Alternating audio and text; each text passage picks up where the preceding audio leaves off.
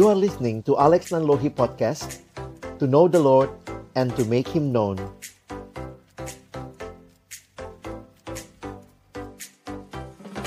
Kita akan mulai ibadah ini teman-teman.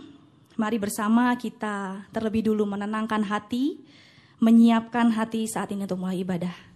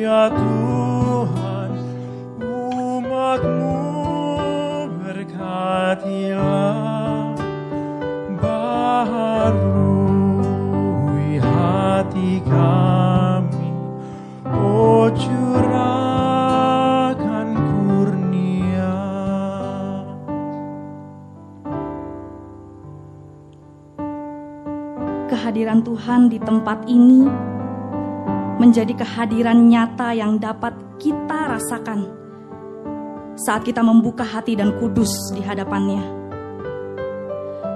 Mari saat ini secara pribadi akui segala keberdosaan, ketidaklayakan, cacat celah di hadapan Tuhan. Berdoalah.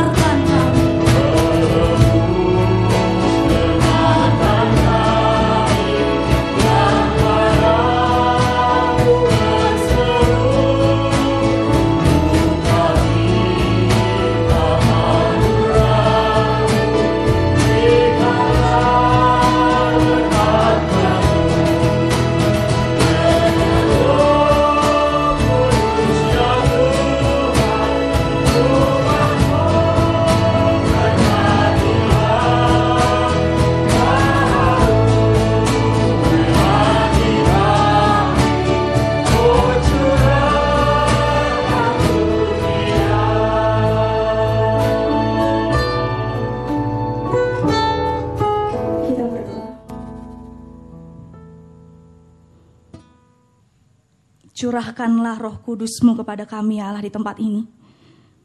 Bukakan tingkap-tingkap langitmu untuk kami ya Allah. Dapat berjumpa, merasakan kehadiran Tuhan dengan dalam. Sepanjang sesi ini kami menyerahkan segala hati kami, pikiran kami kepadamu. Dan kami siap memuji, memuliakan namamu. Dalam Yesus Kristus kami berdoa. Amin. Sekali lagi aku mau nyapa. Shalom teman-teman. Ya, kasih tos teman-teman. Kasih tos ke teman sebelah kanan kirinya. Semangat. Mulai minggu ini dengan semangat teman-teman ya. Beribadah minggu.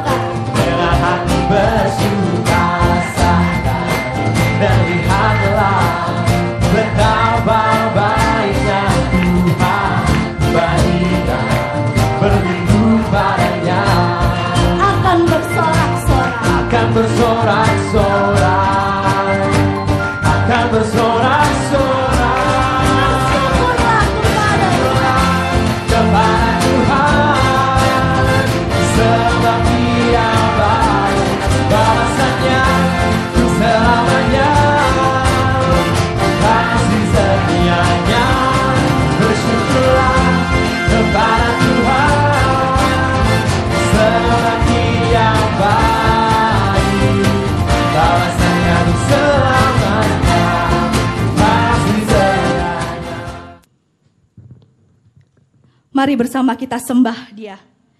Pribadi yang sanggup memerdekakan kita.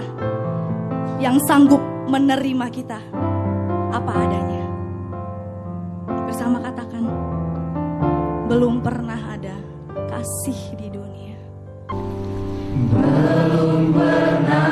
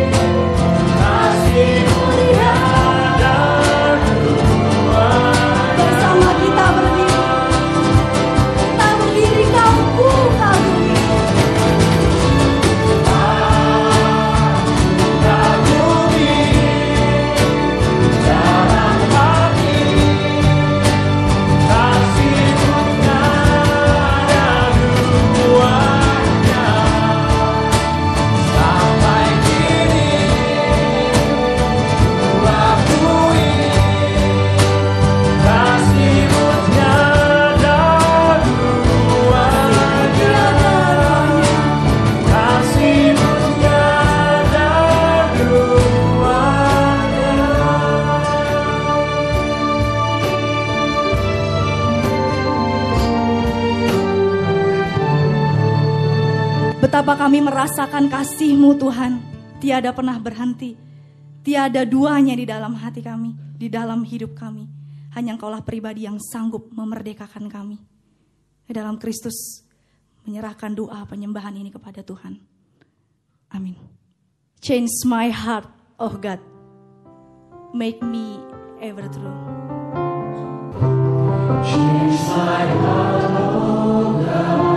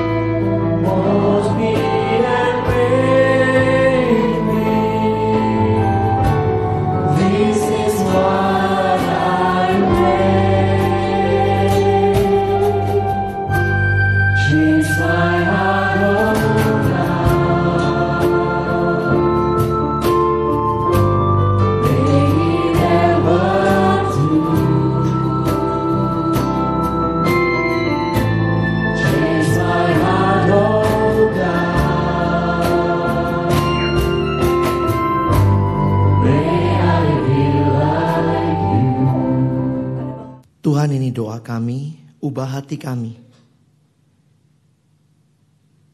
Seperti dirimu. Supaya kami tidak hidup menyatakan kedagingan. Tapi menyatakan karakter yang telah diubah. Yang dihasilkan melalui karya keselamatan Kristus di dalam hidup kami.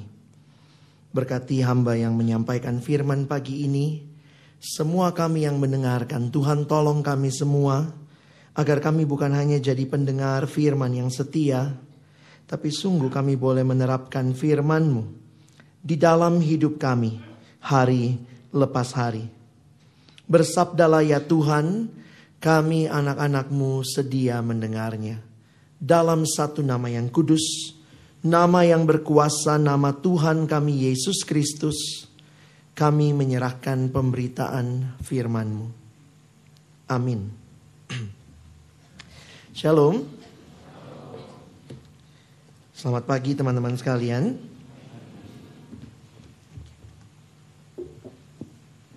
Pagi ini kita akan melanjutkan di dalam pembahasan Galatia pasal 5. Teman-teman nanti bisa perhatikan kita akan membaca di dalam ayat 16 sampai ayat yang ke-25. Saya mau juga menyampaikan bahwa di buku acara kalian ada halaman 57. Jadi saya juga mungkin akan melihat dan mengambil beberapa bagian di tempat itu. Jadi teman-teman nanti bisa kalau saya minta mari lihat buku acara itu ada di halaman 57. Dalam suara yang seperti ini saya tetap butuh bantuan kalian membaca dan juga suara dari belakang gitu ya. Oke.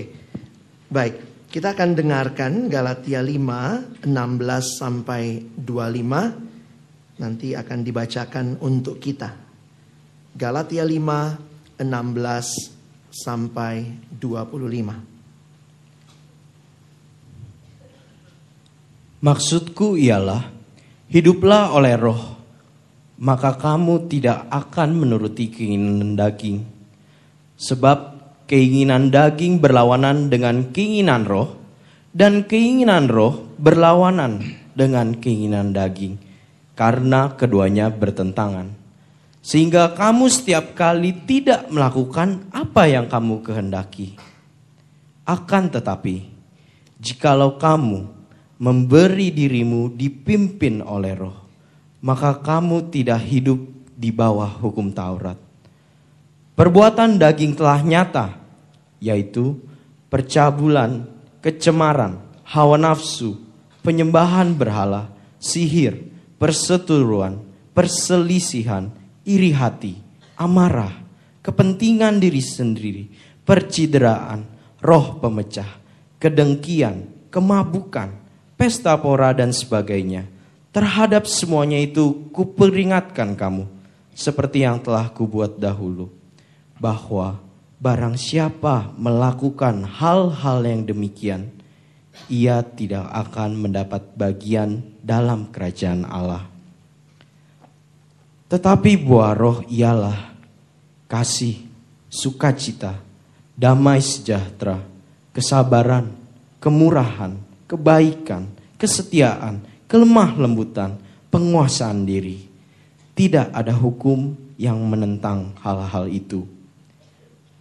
Barang siapa menjadi milik Kristus Yesus, ia telah menyalipkan daging dengan segala hawa nafsu dan keinginannya.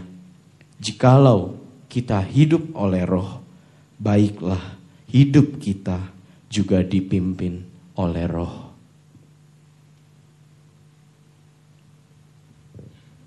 Baik, kita sama-sama akan melihat apa yang kita akan bicarakan tentang karakter, ya. Jadi pagi ini kita akan bicara tentang karakter. Dan teman-teman kalau bicara tentang karakter, saya ingat kutipan ini, ya. Menabur pikiran, menuai tindakan. Menabur tindakan, menuai kebiasaan. Menabur kebiasaan, menuai karakter. Dan menabur karakter, menuai masa depan. Kita tidak hanya bicara karakter di dalam kekristenan, tetapi di luar sana juga saat ini banyak bicara tentang karakter.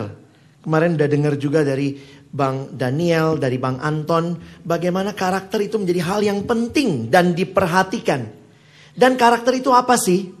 Sederhananya karakter itu sesuatu yang melekat pada diri kita.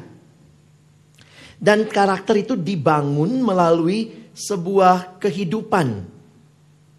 Jadi misalnya kalau kayak begitu ya, tindakan jadi kebiasaan, kebiasaan menjadi karakter.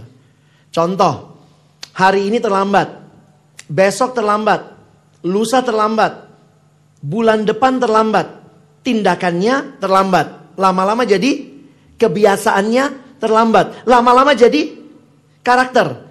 Siapa dia? Si tukang telat. Datang on time orang bilang kenapa? Lu sakit. Kok bisa awal? Nangkep ya? Jadi sesuatu yang melekat pada diri kita menjadi bagian dari hidup kita yang ketika itu dipisahkan bukan kita lagi, itu sebenarnya yang dimaksud dengan karakter. Dalam definisi yang umum.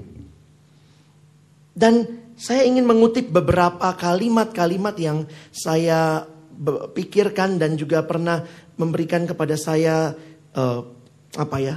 memacu saya, memicu saya untuk berpikir lebih dalam. Apa yang sedang kita bangun sekarang? Saya kutip dari buku pendeta almarhum Eka Dharma Putra. Ini pertanyaan yang diajukan. Pentingnya pembangunan karakter. Bicara tentang sukses, bagaimana saat ini orang mengukur sukses? What you have atau how much you have ataukah what you are and how good you are. Pertanyaan pertama bicara tentang sekedar hasil yang kamu punya. Pertanyaan kedua bicara tentang karakter. Beberapa waktu yang lalu saya diundang oleh seorang alumni, ya alumni pelayanan perkantas zaman dulu gitu ya. Dan juga ada teman kita alumni MIPA ngajar di sekolah itu. Dan kemudian dia minta saya membawakan tema skor atau karakter. Dan memang kelihatan benar karena ini sekolah yang bagus dan kemudian anak-anaknya sibuk dengan ngejar nilai. Gitu ya.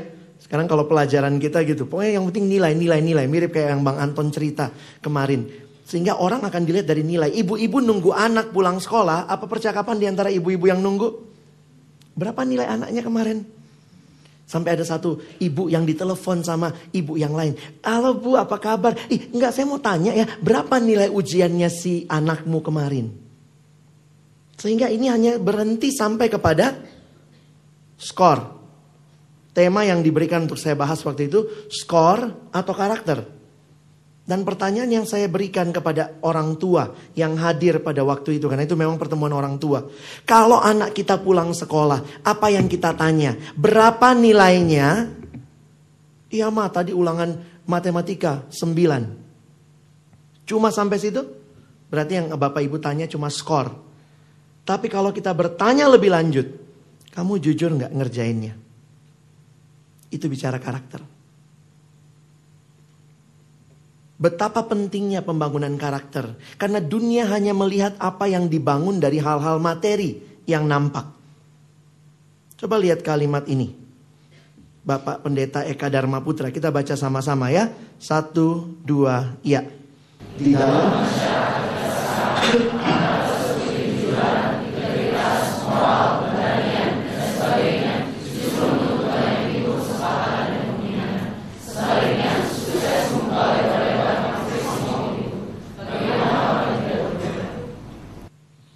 bicara karakter kuno.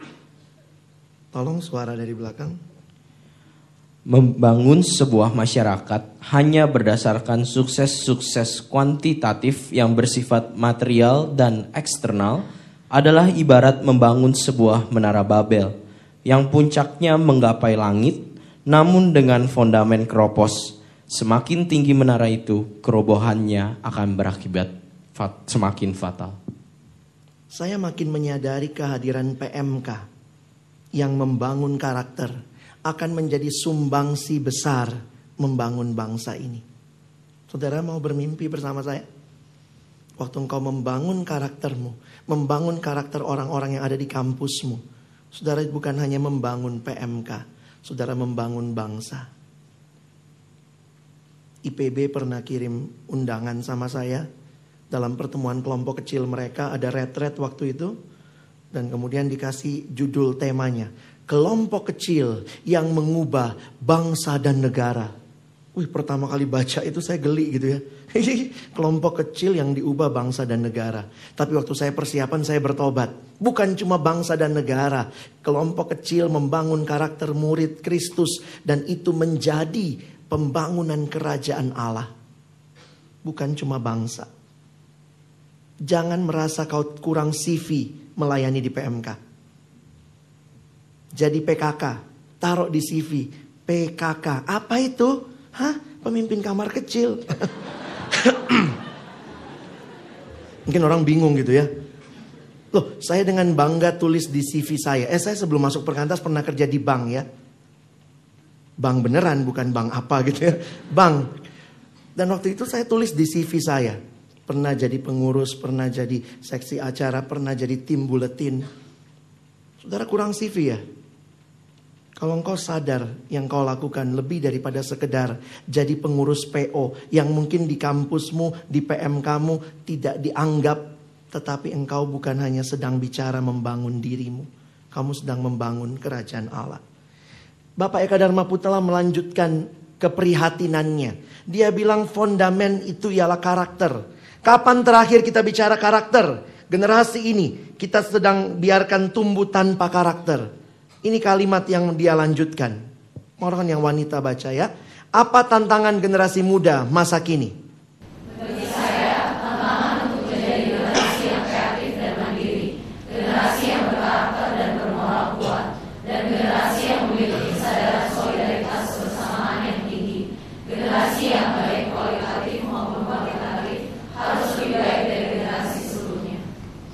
Teman-teman kadang kita mempertentangkan ya.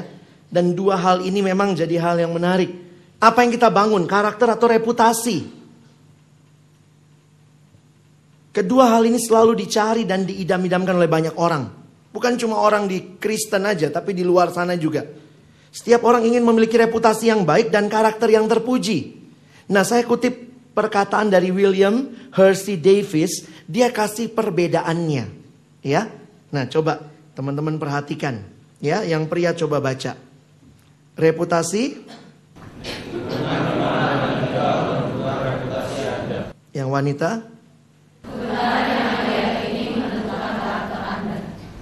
Beda ya, reputasi itu dari luar aja. Kalau kita lanjutkan sebentar ya. Reputasi adalah foto, bisa 360. Karakter adalah wajah, sekali jelek tetap jelek. Maksudnya karakter itu siapa diri kita sesungguhnya, ya. Saya cepat aja, ini semua bisa kalian dapatkan slide-nya. Reputasi berdatangnya dari luar. Karena biasanya adalah pengakuan orang. Iya ya dia bagus kalau nge-MC. Iya ya dia bagus suaranya kalau nyanyi. Iya ya dia bagus cara jalannya. Ya ada dong. Ada orang yang jalannya kita juga bingung gitu. Lu jalan apa nyeret gitu ya. Tapi karakter itu bertumbuh dari dalam. Bukan hanya penampilan luar. Apa yang Anda punyai bila Anda datang ke suatu komunitas yang baru, itu reputasi. Orang akan kenal, wih gila ya. Dia kayak gini, dia kayak gini, gila ya, dia nggak mandi ya misalnya gitu ya. Itu orang akan menyadari gitu ya. Tapi karakter, apa yang Anda miliki pada saat Anda pergi, orang akan bilang, benar ya. Dia salah satu pengurus yang punya integritas. Reputasi Anda pelajari dalam hitungan jam. Gampang sih melatihnya. Cara jalan, cara berdiri, cara ngomong gitu ya. Kalau ada yang jatuh, wah gampang kita bisa sangat terbentuk sama lingkungan. Kalau di persekutuan kesandung dikit, haleluya. Kejedot maranata. Bisa kalimat-kalimat kita itu bisa alkitabiah. Karakter Anda tidak bersinar dalam ukuran waktu satu tahun. Ya, Reputasi dibentuk dalam sesaat, karakter dibangun seumur hidup. Reputasi tumbuh bagaikan jamur, karakter tumbuh bagaikan pohon jati. Jamur itu semalam habis hujan besok numbuh. Pohon jati butuh waktu bertahun-tahun. Reputasi satu lembar koran tentang reputasi Anda. Karakter kerja keras seumur hidup memberitahukan karakter Anda. Reputasi membuat Anda kaya atau miskin. Ya. Karakter membuat Anda bahagia atau menderita. Ini agak sedih sih kalimatnya ya. Reputasi adalah apa yang orang lain katakan tentang Anda pada batu nisan Anda. Udah siap apa batu nisanmu nanti tulisannya? Bang, baru tadi malam ngelirik, masa udah mati sih hari ini? Karakter adalah apa yang Anda katakan, apa yang dikatakan para malaikat tentang Anda di hadapan Tuhan. Itu nggak bisa bohong gitu ya. Nah ini semua menolong. Orang yang memiliki reputasi yang baik belum tentu bisa memiliki karakter yang baik. Tapi orang yang memiliki karakter yang baik sudah pasti memiliki reputasi yang baik. Karena itu saya nggak terlalu suka karakter atau reputasi. Kita bicara karakter dan reputasi. Idealnya orang Kristen harus memiliki keduanya. Karakter yang baik dan pada saat yang sama reputasi yang baik. Karena itu kita bicara pagi ini bagaimana membangun karakter Kristus. Karena apa? Kita nggak sekedar bicara karakter yang dibicarakan di luar sana saja. Kita bicara bagaimana karakter yang dikerjakan dengan kehadiran Roh Kudus di dalam kehidupan. Karena itu kita bicara gospel character. Ini kalimat dari E.M. Bounds, seorang yang sangat kuat bicara tentang doa. Beberapa buku dia tentang doa sangat terkenal. Dia mengatakan begini. Tidak kelihatan ya. The church is looking for a better method. Metode-metode yang semakin baik. Tetapi jangan lupa, God is looking for a better man. Kadang kita sibuk metode-metode. Kita latih diri kita begitu rupa. Tapi sebenarnya bukan cuma itu yang penting. Ingat teman-teman, di kampus kita sedang membangun karakter, bukan sekedar aktivitas. Tidak ada jaminan ikut ini pasti karakternya begini, ikut ini pasti karakternya begini. Itu bukan jaminan. Makanya jangan pernah berpikir hanya program-programmu saja yang bisa membentuk karakter. Tidak. Jauh lebih mendalam kamu akan melihat karakter itu dihasilkan oleh karya ilahi dalam hidup. Mari kita mulai melihat Galatia 5, 16 sampai 25. Nah saya ingin tolong kalian lihat ayat per ayat walaupun memang waktunya sangat terbatas tapi coba ikuti aja gitu ya. Nah kalau kalian perhatikan Galatia pasal 5 bagian atasnya Paulus bicara tentang kebebasan Kristiani. Coba baca pasal 5 ayat 1. Satu, dua, iya.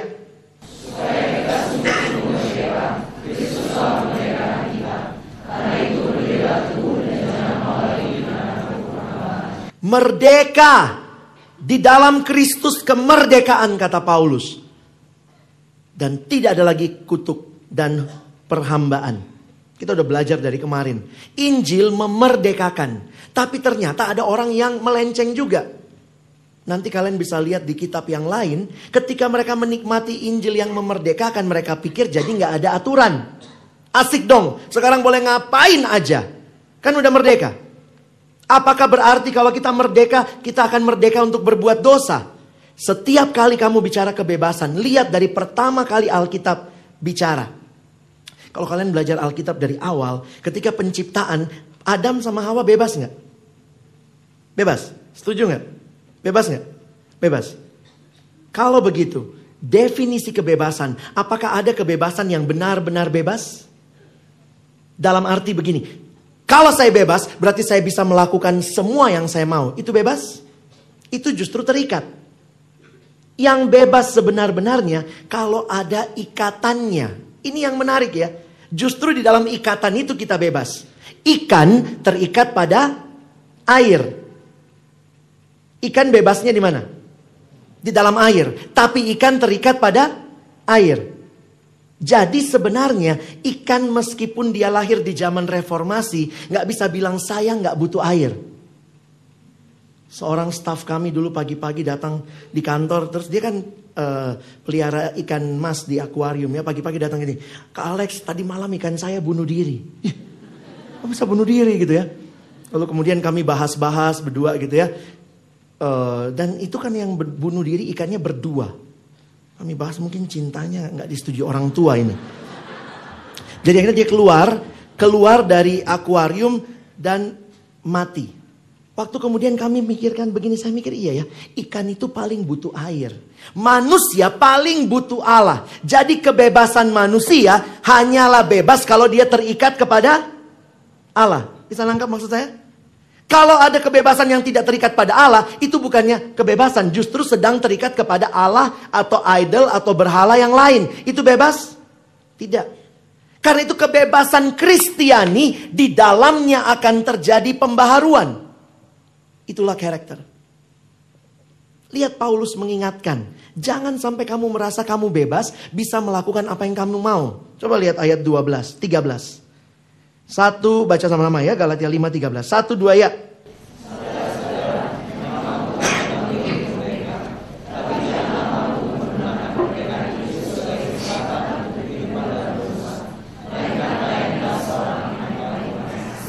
Itulah ya manusia.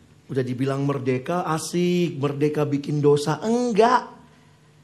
Kita selalu ada konsep kebebasan di dalam keterikatan. Manusia kita terikat kepada Allah. Itu konsep bebas. Adam sama Hawa begitu. Semua pohon boleh kau makan dalam taman ini. Satu jangan. Bebas nggak? Sebenarnya jangan bicara masalah pohonnya ya. Kita kadang-kadang suka mikir, Tuhan sih ngasih pohon. Coba kalau aku di Taman Eden, pasti nggak jatuh dalam dosa. Karena kau udah tahu ceritanya. Padahal kalau mungkin kau pertama kali di Taman Eden sampai akar-akarnya kau isep. Sebenarnya pohon itu melambangkan, pohon itu gambarannya siapa? Waktu dia tidak makan buah pohon itu, dia taat sama siapa? Sama Allah. Jadi pohon itu menggambarkan kamu meskipun sangat bebas, kamu terikat pada Allah. Bisa nangkap ceritanya? Jadi jangan salahkan pohonnya. Ada pohon sih. Bukan masalah pohonnya. Pohon itu adalah alat yang Tuhan pakai untuk menguji kamu bebas tapi kamu terikat padaku. Begitu manusia merasa saya mau bebas tanpa batas, di situlah titik bukannya bebas tanpa batas. Jatuh ke dalam dosa terikat kepada dosa. Ini yang saya katakan kemarin. Kalau hal yang paling memuaskan hidupmu kau anggap tidak bisa memuaskan. Apalagi yang bisa puaskan kamu. Sudah Tuhan yang paling bisa memuaskan. Kita bilang, sorry Tuhan, kayaknya ada yang lain. Jadi kebebasan kita sebenarnya pohon itu menyatakan kita bebas atau tidak. Tapi manusia menyatakan, saya mau bebas tanpa batas. Itu dosa. Nah, waktu Paulus masuk ke bawahnya, dia mulai bicara kepada apa yang terjadi dalam kehidupan orang yang sudah merdeka. Nah, ini yang saya harap kita nggak salah ngerti. Orang yang sudah merdeka akan mengalami hidup yang seperti apa di dalam hatinya. Nah, kalimatnya menarik. There are two nature, natures at work in every Christian. Jadi ternyata di dalam hidup orang yang sudah percaya ada dua natur yang terus saling bertentangan. Ini banyak penafsiran. Ada penafsir yang bilang sebenarnya kalau sudah dalam Kristus tidak ada lagi natur dosa. Tapi kalau kita pelajari khususnya waktu kalian bandingkan dengan apa yang Paulus sharingkan di dalam Roma pasal 7. Apa yang aku tahu yang benar aku mau lakukan, tapi ternyata yang salah yang aku lakukan. Pertanyaannya, di hati kita kayak apa ya? Waktu Paulus bicara Roma 7, dia sudah Kristen, sudah percaya atau belum? Akhirnya para penafsir yang saya baca banyak mengatakan Paulus sudah percaya. Dan itu juga yang dikonfirmasi lagi waktu belajar Galatia. Jadi ternyata, perhatikan kalimatnya begini ya, ini saya gambarkan. Waktu kita lahir baru, melalui pekerjaan Allah di hati kita, maka sebenarnya sudah ada benih ilahi yang memampukan kita menolak keinginan daging. Dengar ya. Hatinya udah dipengaruhi, udah dibaharui oleh Kristus, sudah ada benih ilahi yang bisa membawa kita menolak melakukan dosa. Tetapi manusia lama kita atau Paulus dalam hal ini pakai istilah sinful desire itu akan terus muncul di sepanjang hidup kerohanian kita dan saya pikir ini lebih real. Benar ya? Setelah kita jadi orang Kristen, apakah tidak ada lagi hati yang pengen uh, melakukan dosa? Masih muncul kan? Jadi ini battle yang real di dalam hati kita. Tapi pertanyaannya begini, kalau gitu Tuhan nggak berkuasa dong mengubah hati. Tadi kita nyanyi Change My Heart, Oh God. Perhatikan kalau kamu baca Roma pasal 6. Makanya rajin PMKJ ya. Nanti Roma pasal 6. Tiba di bagian itu dibilang begini. Kamu tidak lagi di bawah kuasa dosa. Kamu tidak lagi di bawah perbudakan dosa. Tetapi karena masih ada manusia lama yang dikuasai dosa. Maka kalimat Paulus begini. Jangan kamu menghambakan diri lagi kepada dosa. Sederhananya begini, udah merdeka nih. Misalnya kamu di rumah tadinya pembantu. Maaf ya, misalnya. Tapi karena Tuhanmu sangat sayang sama kamu, ini pembantu terlalu cantik untuk pembantu. Misalnya, ya, akhirnya kemudian dia angkat kamu jadi anak. Sekarang pembantu sudah jadi anak. Statusmu adalah anak. Tapi bisa nggak kamu tiba-tiba kelakuan pembantu lagi? Karena udah kebiasaan. Kayak kemarin ya, atau ada anak minta sama saya pelayanan, dia duduk samping saya gitu ya. Jongkok di lantai. Saya bilang, kenapa jongkok? Dia, udah natur bang. Jadi kalimatnya begini. Kita tidak lagi di bawah kuasa dosa. Tetapi waktu kita sudah dibebaskan dari dosa, kita ternyata masih mungkin untuk menghambakan diri kepada dosa. Dan inilah real peperangan itu. Tetapi sebenarnya hati kita sudah diset kepada hati yang baru, yaitu hati yang di dalamnya Kristus harus dimuliakan. Jadi, tolong pahami ini dengan baik, karena realita ini akan muncul terus. Tapi ingat, kita dikasih kuncinya. Hiduplah dipimpin roh. Supaya kamu tidak balik menghambakan diri. Begitu hati yang lamamu itu mengatakan Yesus nggak cukup. Yesus nggak cukup maka kamu harus memandang kepada salib Kristus.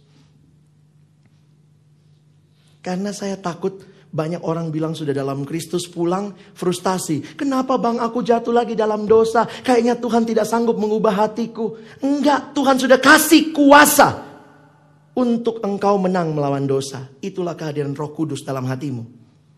Yang menarik begini, ini selalu jadi pergumulan teologis saya. Kalau iblis roh jahat itu merasuk kita. Merasuk kita itu kita semuanya dikendalikan sama dia. Bisa orang kalau kerasukan tiba-tiba suaranya jadi suara nenek-nenek lah, suara kakek-kakek, suara harimau. Jadi dia dikuasai. Tapi pekerjaan Roh Kudus bukan demikian. Roh Kudus tidak pernah merasuk kita. Tapi Roh Kudus memberikan kuasa bagi kita untuk tidak menghambakan diri lagi kepada dosa. Berarti pertanyaannya, dosa masih ada? Masih mungkin kita lakukan? Masih. Tapi kita sudah diberi kuasa untuk terus menang. Karena itu salib harus jadi perjalanan hidup yang terus-menerus menginspirasi kita. Nah, coba kamu baca ayatnya ya supaya bisa lebih paham ya. Coba lihat ayat 17. Satu, dua, ya.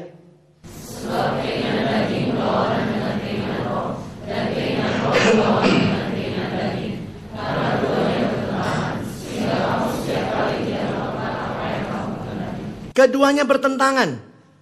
Kita tahu yang benar. Dengan tahu yang benar itu sudah bukti ada kebenaran di hati kita. Siapa itu? Roh Kudus. Tapi kita masih mengalami pergumulan. Kadang-kadang kok masih pengen nyontek ya. Kadang-kadang kok masih pengen ini, masih pengen itu. Nah, tapi yang menarik, perhatikan. Di dalam bahasa aslinya, keinginan daging, desire itu, Paulus ternyata memakai satu kata yang di dalam bahasa aslinya, epitumia. Bukan evitamala. Epitumia. Nah, pemahamannya apa? Epitumia itu ternyata disebut dengan pemahaman over desire. Saya kasih contoh begini. Kita itu sudah dikasih desire yang penuh di dalam roh dengan Yesus. Tapi begitu ada benda-benda lain, orang-orang lain yang kita inginkan lebih daripada Yesus, itu disebut sebagai over desire.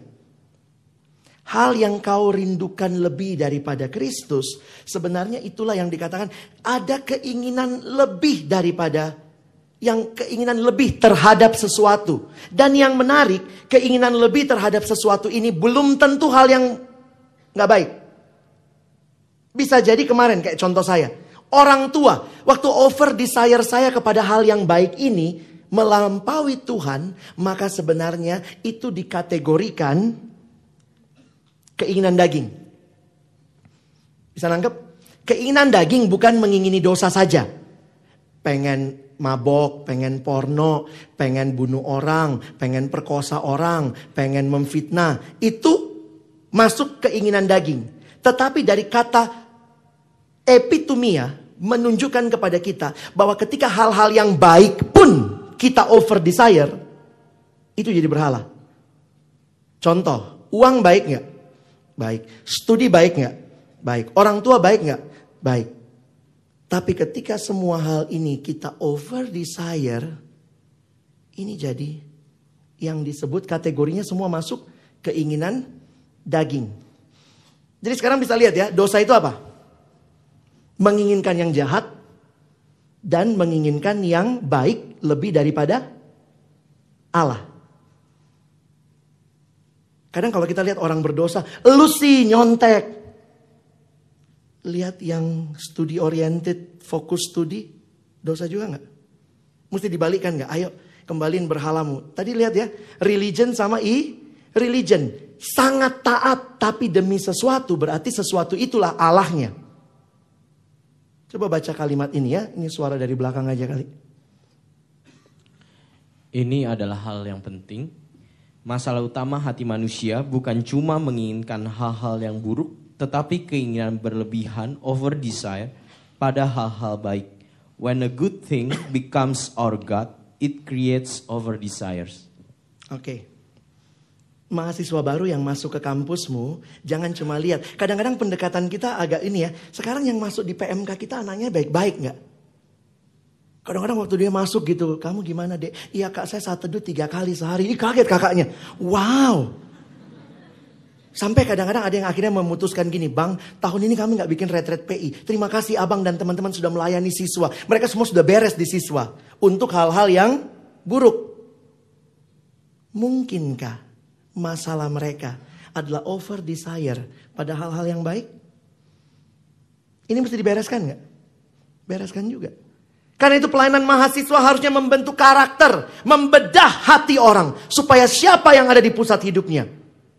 Apakah Kristus atau bukan? Karena itu per, apalah, bukan bukan mengubah lah ya. Perhatikan bahan pipamu. Perhatikan metode penginjilanmu. Kita kalau datangin orang selalu gini ya, lu jahat berubah jadi baik. Tapi beberapa anak yang masuk ke kampus kita udah baik, kelihatannya udah baik.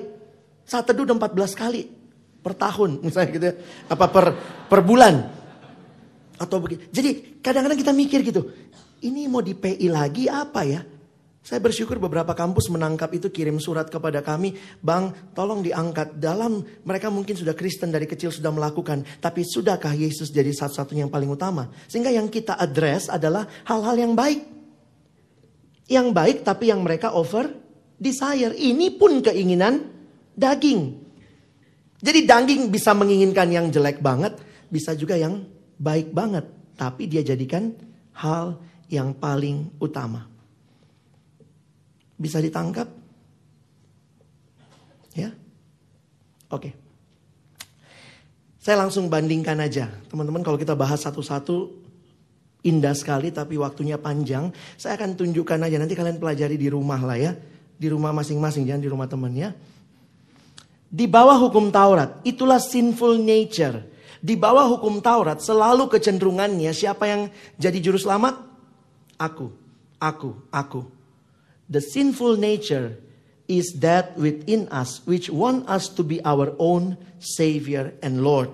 Tapi kalau itu dipimpin oleh roh, maka the free gift of Christ righteousness and salvation. Kalau itu keinginan daging, itu akan terus membangun atau menghasilkan alternatif dan terus ada desire yang saling berjuang, berkompetisi di hati kita which we experience and can give into. Jadi maksudnya selalu ada keinginan yang ber, yang ada di hati kita untuk melakukan sesuatu, melakukan sesuatu, melakukan sesuatu.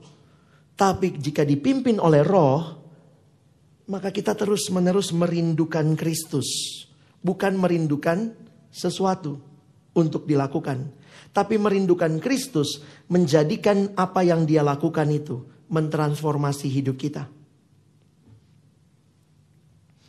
Siapa yang dimuliakan? Glorifies and adores and yearns for all kind of created things. Ciptaan. Tapi kalau kita dibangun dari roh, dipimpin oleh roh, yang kita muliakan adalah Kristus. Tidak heran, guru palsu sombong. Dan tidak heran, Paulus sangat rendah hati. Karena dia tahu, bukan aku, tapi Yesus. Guru palsu, bukan Yesus. Yesus tidak cukup, tapi perlu aku. Oke? Okay? Karena itu dia bicarakan karakter sebagai kedagingan. Saya pakai istilah ini aja. Kalau kamu ini kalau kalian perhatikan dan zoom in sebenarnya tidak semuanya perbuatan-perbuatan yang jelek. Karena di dalamnya ada apa? Perselisihan, iri hati. Ternyata bagi Paulus iri hati itu sama aja dengan sihir, kemabukan. Dosa terlalu memuliakan studi sama kok dengan yang nyontek. Kalau saya sungguh-sungguh studi nggak nyontek, nggak pernah nyontek, tapi studi jadi segala-galanya, itu dalam level kategorinya sama menurut Paulus dengan nyontek. Tetap semuanya kategorinya keinginan daging. Baik hal buruk maupun yang over desire pada hal yang baik. Nanti kalau mau dibedah, ini ada berapa? Ada yang pernah itu enggak?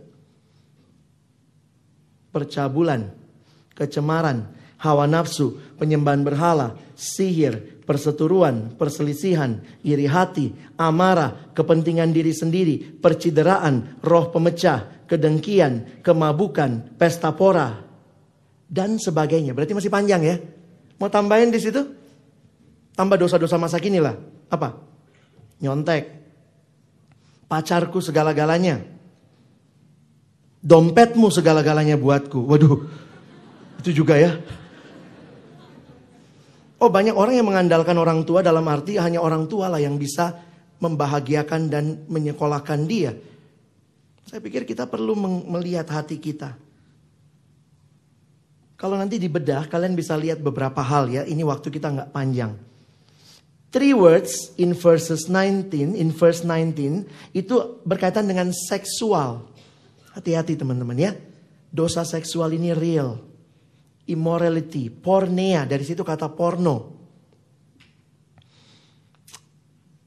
Beberapa kali menolong orang yang jatuh dalam pornografi dan melihat hidup saya sendiri yang pernah terjerat di dalam pornografi memang tidak bisa tidak. Kalau dia sudah bertemu dengan Kristus yang begitu mengagumkan itu, maka di dalam anugerah Tuhan dia akan tidak mau lagi. Buat apa saya melakukan itu hanya Kristus kepuasan sejatiku.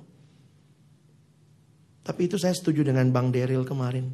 Sampaikan kabar baik itu terus kepada dirimu setiap hari. Tiap kali bangun, saya nggak butuh porno. Saya cuma butuh Tuhan. Ambil waktu lima menit setiap hari mungkin. Ingat salib itu.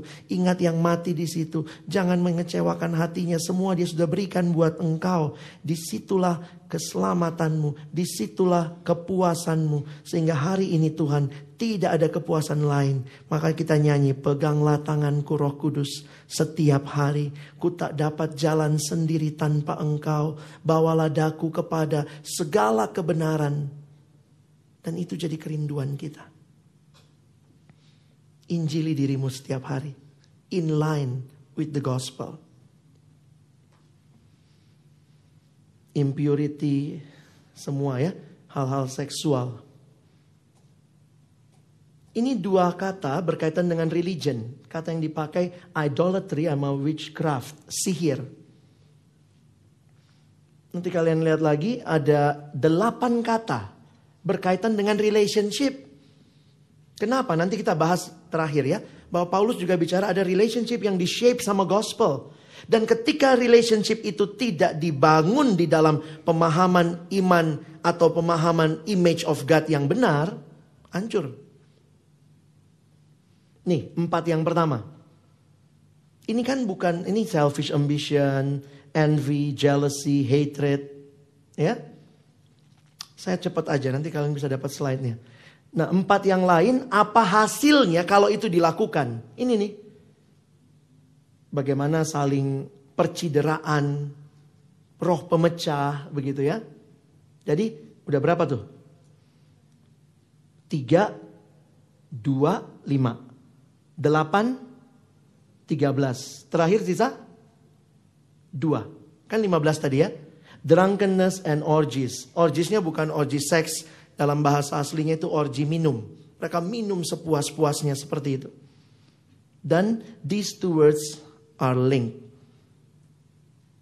Jadi kalian bisa bayangkan Paulus menyoroti dosa-dosa yang terjadi keinginan-keinginan dagingnya orang Galatia. Begitu di dalam hati kita, bukan Tuhan, maka kamu akan berusaha, berusaha, berusaha. Karena itu kalimatnya, perhatikan, yang kamu lakukan itu disebut perbuatan daging. Nanti kita akan masuk. Kenapa Paulus untuk roh pakai istilah buah? Untuk ini semua pakai istilah perbuatan. Karena memang berbuat, doing. Begitu Allahmu bukan Allah yang memuaskan kamu, dia sudah mati buat kamu seperti yang kita lihat di salib, maka yang terjadilah aku melakukan, aku melakukan, aku melakukan. Terjadi terus hal-hal yang gak benar. Tetapi kalau Allah kita Allah memuaskan, beda ya. Bukan perbuatan daging versus perbuatan roh. Bukan buah daging versus buah roh. Tapi perbuatan daging karena kita yang in touch, kita yang melakukan, di compare sama buah roh. Nah kita masuk ya.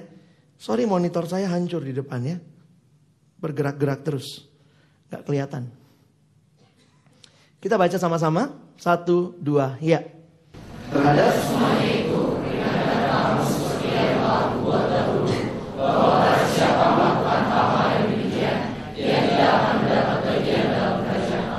banyak orang yang nanya, kalau tadi ini yang semua di atas ini, ini masih ada nggak dalam hati orang percaya?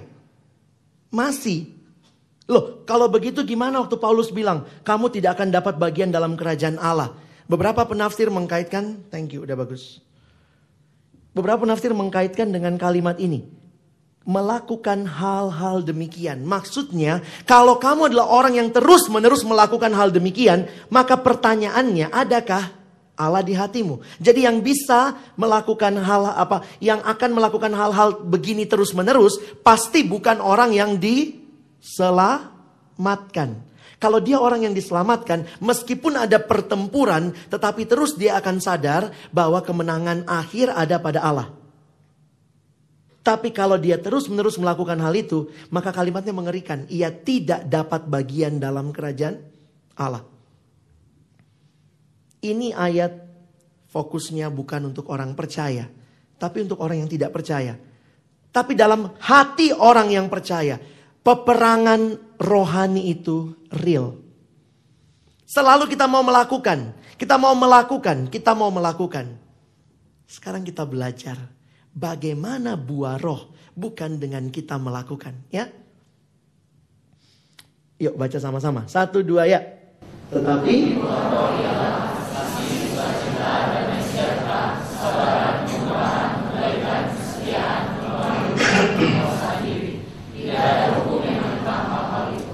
Teman-teman, kalau kamu melihat ini, ini kan juga yang dibutuhkan. Kemarin Bang Anton bilang dibutuhkan di luar sana. Orang melihat bagaimana saat ini orang nggak loyal dan segala macam kata Bang Daniel. Tapi pertanyaan saya begini. Ini natur dasar manusia? Enggak. Karena itu lihat. Ini hanya terjadi kalau ada roh di dalam hati kita. Barulah ada buah roh. Ini bukan natur dasar kita. Dan yang menarik begini, ini bukan usaha kita. Kamu les kursus mengasihi, kamu mungkin akan bisa kelihatan secara reputasi mengasihi, tapi karaktermu tidak berubah. Teman-teman di sini saya jadi sadar, pertumbuhan itu karena saya atau karena Allah. Gampang nggak ngomongnya? Karena Allah. Tapi bukannya kalau kita bertumbuh disuruh, dek kamu harus begini, kamu harus begini, kamu harus begini. Nanti PKK akan lihat apa kriteria penampakan, kelihatan nggak dalam hidupmu, kau sudah mengasihi, apa profilmu, bagaimana. Kita selalu lihat, lihat, lihat. Bahkan kita mengatakan untuk mencapai karakter ini usaha, usaha, usaha. Saya makin kaget, enggak. Yang terutama adalah roh kudus bekerja, maka buah itu akan kelihatan.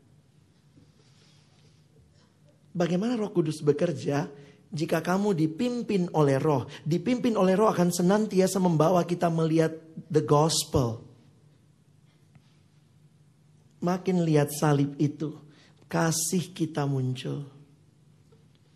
Makin lihat salib itu, kesetiaan kita muncul. Yesus nggak disalib lalu, aduh panas nih turun dulu bentar ngaso, terus naik lagi. Enggak ya.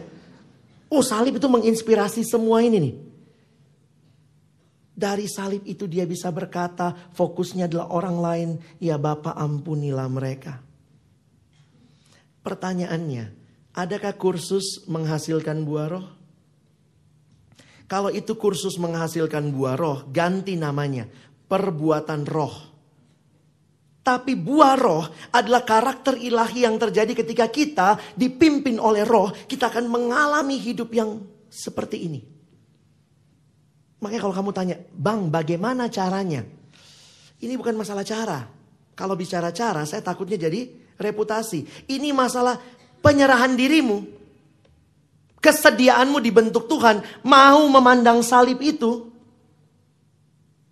Di situ kamu akan mengerti apa itu kasih. Di situ kamu akan mengerti apa itu sukacita. Dan itu akan lahir dalam hatimu. Bukan dibangun-bangun, dibentuk-bentuk. Tapi buah. Kan itu kalimat ini ya, tolong suara dari belakang ya. We need the Holy Spirit living in us to help us bear fruit. Fruit can only be produced as we yield to God and allow His Spirit to work. Waktu kita menyerahkan diri kepada Allah, membiarkan rohnya memimpin kita, tentunya melalui firman dan doa, maka buah itu muncul. Buah itu bukan usaha kita. Gimana cara jelasinnya? Nangkep ya? Jangan pernah berpikir karakter Kristiani itu karena saya berusaha. Tapi karena Allah yang mengerjakan di dalam penyerahan kita kepada dia. Ini pengertian yang baru sama sekali buat saya. Kadang-kadang kasih langsung kita bilang lakukan ini, lakukan ini, lakukan ini. Nah, kamu dibilang mengasihi. Tapi sebenarnya belum tentu hatinya berubah, karakternya berubah. Yang berubah mungkin kelakuannya kelihatan mengasihi. You can just set apa artinya mengasihi. Mengasihi adalah kalau lihat pengemis tiba-tiba langsung ngasih. Itu bisa di training. Kamu lihat orang di pinggir jalan lagi berhenti lampu merah kecrek, kecrek, kecrek. Langsung buka kaca. Ngasih. Kamu kasih berdasarkan kasih? Apa tujuanmu ngasih? Pengemis di pinggir jalan. Pengamen. Ini ya. Lu pergi cepat-cepat dari mobil gua. Gua ngeri lihat lo. Benarkah kita mengasihi? Kalau mengasihi kenapa kita nggak buka kacanya lebar-lebar? Kita kasih. Oh banyak tindakan kelihatannya kasih. Tapi karakternya tidak terjadi karakter yang dibangun dan dibentuk oleh Injil. Saya lewatin ya, ini ada penjelasan dari Billy Graham. Adalah kita. Love. Oh ini semua nantilah kalian pelajari ya. Bukan fake. Joy. Apal nggak sih? Saya suka hafalnya dulu pakai lagu ya. Kasih sukacita, damai sejahtera, kesabaran, kemurahan, kesetiaan, ke, eh, Kebaikan, kesetiaan, kelemah lembutan, penguasaan diri. Bang yang ketiga, bentar. Kasih, sukacita, damai sejahtera. Nanti ambil waktu ya di rumah gitu ya. Renungkan nih. Ini sumbernya dari mana? Sumbernya bukan dari training. Tidak ada training mengasihi. Saya pernah diundang satu kampus dulu. Bang, bisa nggak abang pimpin training untuk uh, seksi apa? Seksi yang ngasih-ngasih orang itu. Oh pemerhati. Ngasih-ngasih apa gitu ya. Saya bilang mau training apa? Masa training senyum? Gimana senyum? Training bikin kartu? Saya pikir iya ya kalau karakter kita terjadi fokus kepada salib maka itu akan genuine sekali. Kita keluarnya bukan program saja tapi belas kasihan ilahi. Karena itu kalau yang menghasilkan buah roh ini adalah roh kudus, gimana caranya kita ngalamin ini ya?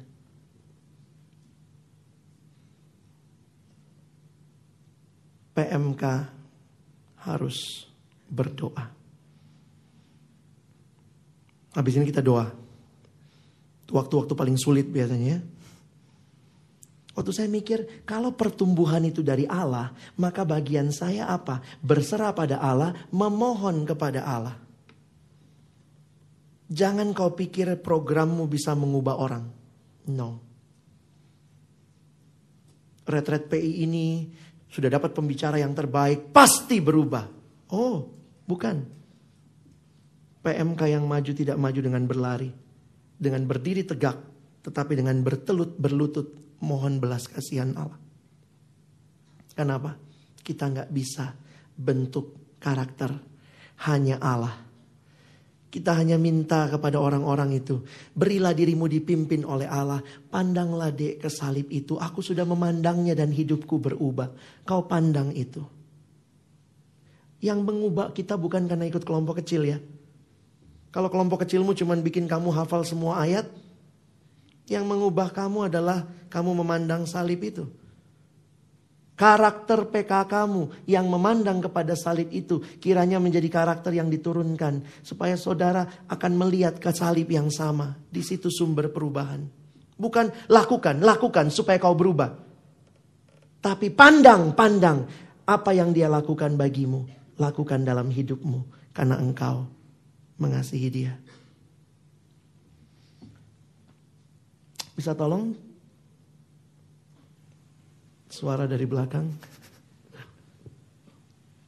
The single word fruit takes us to the world of agriculture and tells us four things about how the Spirit works.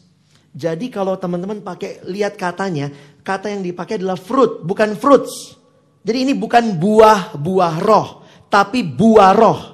Saya pernah dengar pendeta dengan semangat, saudara, hari ini saya akan khotbah tentang buah-buahan roh. Emangnya pasar minggu? Kalimat Alkitab buah roh. Jadi satu buah sembilan rasa. Lebih hebat dari nano-nano. Satu buah, sembilan rasa. Nah, apa maksudnya? Kenapa Paulus pakai kata buah? Nanti kalian gali sendiri. Saya sangat merekomendasi bacalah artikel halaman 57. Tapi ini kira-kira gambarannya. Berarti perubahannya bertahap, tidak terelakkan, dari dalam dan simetris. Maksudnya begini, saya nggak bisa bilang, saya cuma mau bertumbuh dalam kasih. Nggak bisa. Kasih ada sukacita, damai sejahtera. Dan waktu kemudian kita bertumbuh, waktu saya punya kasih, saya punya penguasaan diri. Ini simetris, menyeluruh, utuh. Ya, Mengapa Paulus menggunakan istilah buah? Paulus tidak menggunakan istilah karakter atau sifat atau bahkan perbuatan. Ini penjelasannya. Tolong. Wanita, satu, dua, ya.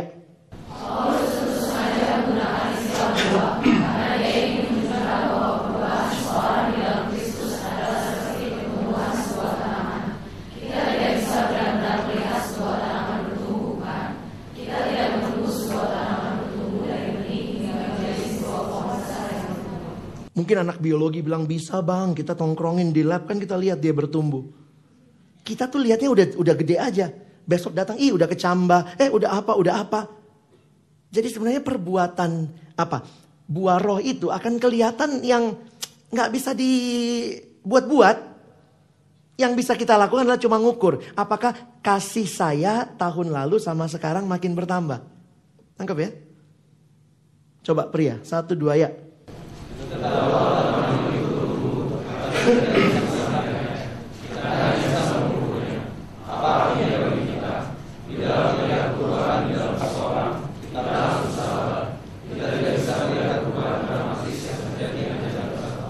Kalau kamu PKK yang gospel way, yang membangun gospel character, kamu nggak akan minta akak kamu jadi kayak kamu. Kamu akan bilang mereka lihat kepada Kristus jadi seperti Kristus dan kesabaran tidak bisa kita ubah satu malam. Kamu aja diubah sampai sekarang masih berubah, masih terus Tuhan ubahkan. Jangan pernah berpikir saya bisa ngubah orang. Ih, aduh enak loh. Akak-akakku kami kemarin semua uh, satu baju. Wah kami satu kelompok kecil bang gitu. Saya pernah pergi ke salah satu fakultas. Mereka pakai itu ya baju Powerpuff Girl. Tiga warna lah, tiga warna gitu. Halo abang, eh kalian siapa? Ah biar di Powerpuff Girl. Ih. Jadi itu karena kelompok kecil. Jadi saya pikir kelompok kecil nggak mengubah karakter ya. Kalau cuma luarnya yang diubah, saya harap mengubah dalamnya juga. Ya, jangan cuma luarnya yang berubah. Nanti kalau luarnya yang berubah, teman-teman orang yang ikut kelompok kecil jadi jijik. Ih, ngeri kali kelompok kecil kayak gitu. Bang kami satu kelompok kecil, lihat bandonya. Ih, sama bandonya semua. Nah, terakhir ya. Bagaimana caranya bisa mengalami perubahan yang demikian? Ayat 25, 24, 25. Satu, dua ya. Barang siapa?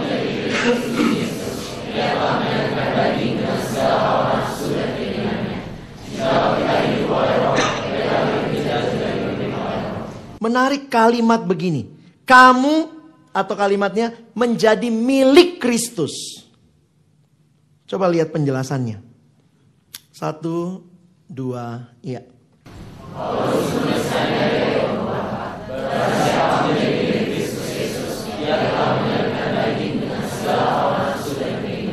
Kalian lihat kata epitumia muncul lagi. Karena kan begini, menyalipkan daging dengan segala hawa nafsu dan keinginannya. Saya mikir itu apa? Ternyata waktu cek katanya yang dipakai masih epitumia. Berarti yang dibereskan di salib itu bukan cuma dosa menginginkan hal-hal yang jahat, tetapi dosa menginginkan hal-hal yang baik secara berlebihan. Di mana itu dibereskan? Di salib. Tolong suara dari belakang. Perhatikan, bukan hanya sekedar menyalipkan kedagingan atau natur berdosa, sinful desire, tetapi juga hawa nafsu dan keinginan yang berlebihan akan sesuatu, over desire. Dosa bukan sekedar melanggar peraturan, tetapi menginginkan sesuatu secara berlebihan. Kita lanjutkan ya. Bisa tolong Bang Rey? Paulus menyatakan di ayat 25, jikalau kita hidup oleh roh, baiklah hidup kita juga dipimpin oleh roh. Inilah yang membedakan perbuatan daging dan buah roh. Perbuatan berarti sesuatu yang kita lakukan, tetapi buah adalah sesuatu yang kita terima. Saya sangat berubah setelah mengerti ini. Dan saya pun makin rendah hati. Saya nggak bisa bentuk karakter kamu dengan usaha saya.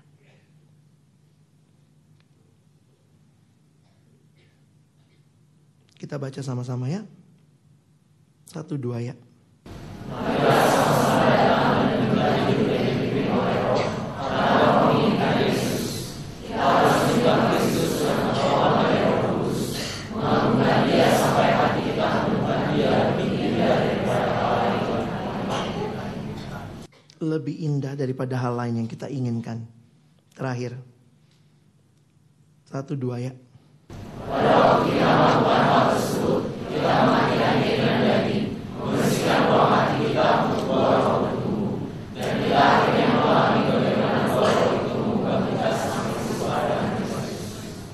Makin hati kita, ruangannya kita setting ke salib itu kepada kekuatan yang Allah sudah berikan, roh yang akan memimpin kita, maka keinginan-keinginan daging akan kehilangan indahnya.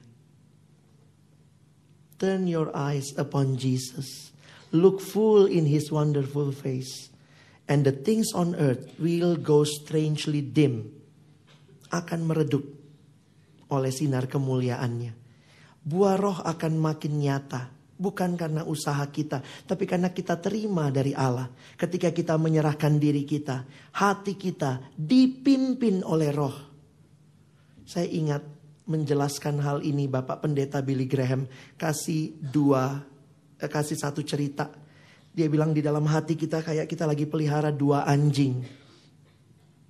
Ini gambaran dia secara sederhana ya. Satu anjing hitam menggambarkan hidup yang lama, satu anjing putih menggambarkan hidup yang baru. Waktu kita berantem, ketika berantem, kok yang menang anjing hitam? Ternyata waktu dicek, anjing hitam dikasih makan terus. Anjing yang putih kurus kering. Jadi karena dikasih makan terus, akhirnya waktu berantem, menanglah anjing yang hitam. Tentu kita tidak bicara melakukan supaya menang. Tapi pandang salib itu. Supaya ruang hatimu yang ada berhala-berhala lain. Yang masih terus muncul. Karena kata Calvin kemarin, hati kita terus memproduksi berhala. Tapi setiap kali kita memandang salib, tiap pagi kita datang ke salib itu, di salibmu ku sujud, ku lihat hidupku, maka akan berubah cara pandang kita. Kalau begitu evaluasi pelayanan gimana? Kamu pernah evaluasi pelayanan? Evaluasi pelayanan kita selama ini biasanya kita lakukan, saya kutip dari Tim Keller. Mana yang kita lihat waktu evaluasi pelayanan? Successful, faithful, atau fruitful? Kalau lihat hari ini sih jawabannya harusnya fruitful. Karena fruitful lebih menyeluruh. Successful masalahnya apa? Kita akan bicara teknis dan hasil. Bukannya nggak penting. Gimana caranya supaya saya pernah dimimpin retret. Gurunya bilang begini. Pak pada saat bapak tantangan KKR mau lampunya dimatiin. Saya bilang ih emang kenapa?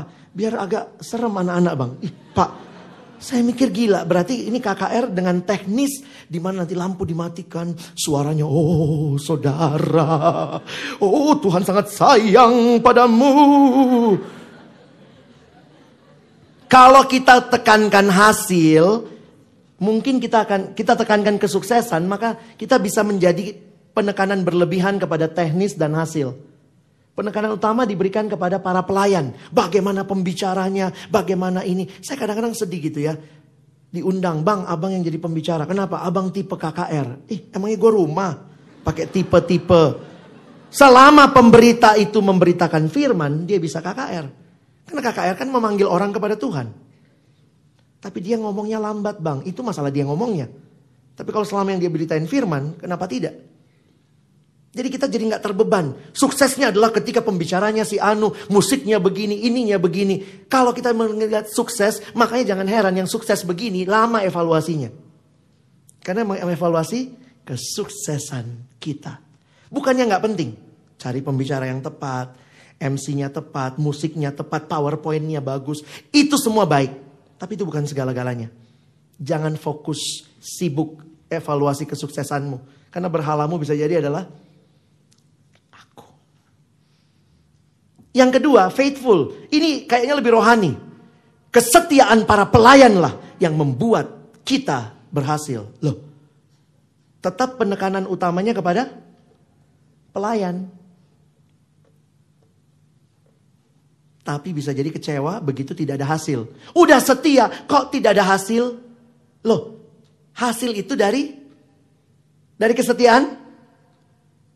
Bukan hanya dari kesetiaan. Beberapa orang setia melayani, tidak ada buah. Ketika memulai pelayanan di Birma, Adoniram Judson, enam tahun melayani, setia, tidak ada yang bertobat. Kalau kau bilang setiamu membuat kamu berhasil, that is not the whole story. Karena itu Alkitab memperkenalkan evaluasi pelayanan pola berbuah. Karena apa? Alkitab banyak pakai istilah buah, buah. Karena dari buah itu ada bagian petani, ada. Ada kondisi lahan, ada. Tapi buah dari dari Tuhan. Siapkan pelayanan dengan tekuk lutut di hadapan Tuhan. Memohon Tuhan, karuniakan kepada kami pertumbuhan. Saya sudah siapkan teknis yang terbaik Tuhan. Saya sudah siapkan semua pelayan yang sangat setia, diseleksi. Sampai saat teduhnya nggak boleh bolong setitik pun. Wih. Tapi kalau akhirnya kita lihat, ini pelayanan saya. You are not doing the gospel ministry. The gospel ministry adalah ketika kita sadar dengan semua yang kita lakukan. Terbaik, tersetia, tapi hasilnya dari Tuhan. Karena itu tetap berdoa. Karena itu tetap rendah hati. Berhasil. Musik terbaik. Intro terbaik. Tetap setia. Bukan itu. Tapi hasil dari Tuhan. Alami ini. Dalam hidup dan pelayananmu. Amin. Mari kita berdoa.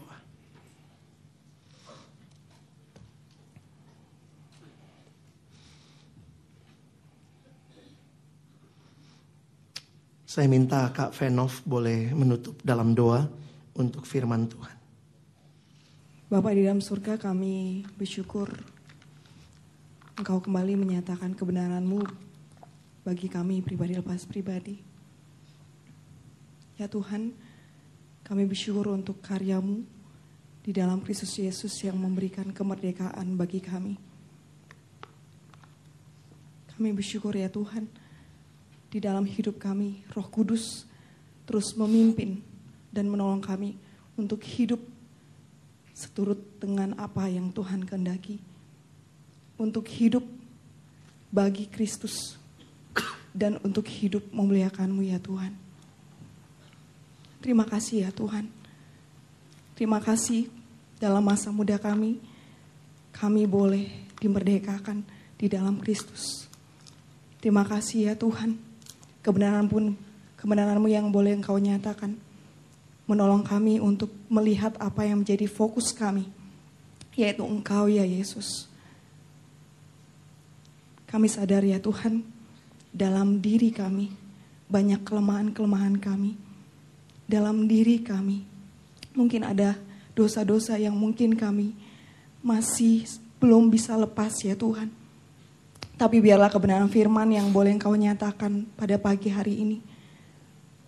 Meneguhkan iman kami di dalam engkau ya Tuhan. Bahwa di dalammu kami dimerdekakan. Dan kami pasti dimampukan ya Tuhan.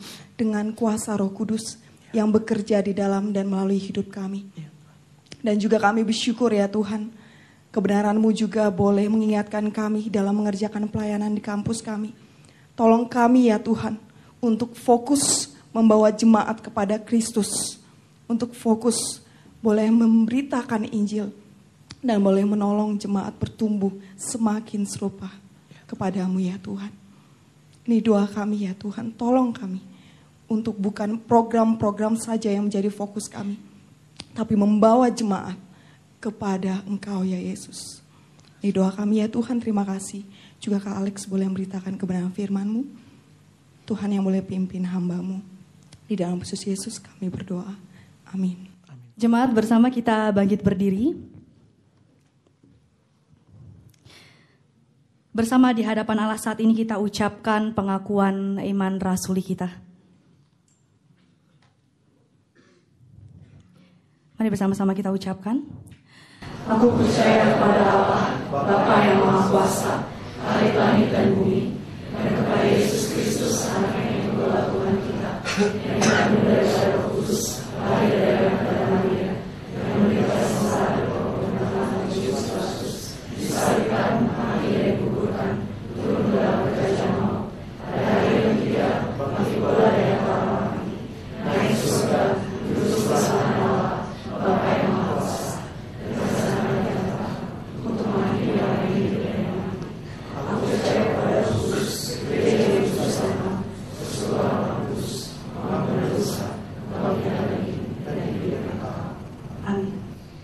respon kita atas firman Tuhan yang boleh diberitakan, kita akan memberikan persembahan teman-teman. Teman-teman boleh persiapkan persembahan yang terbaik untuk Tuhan.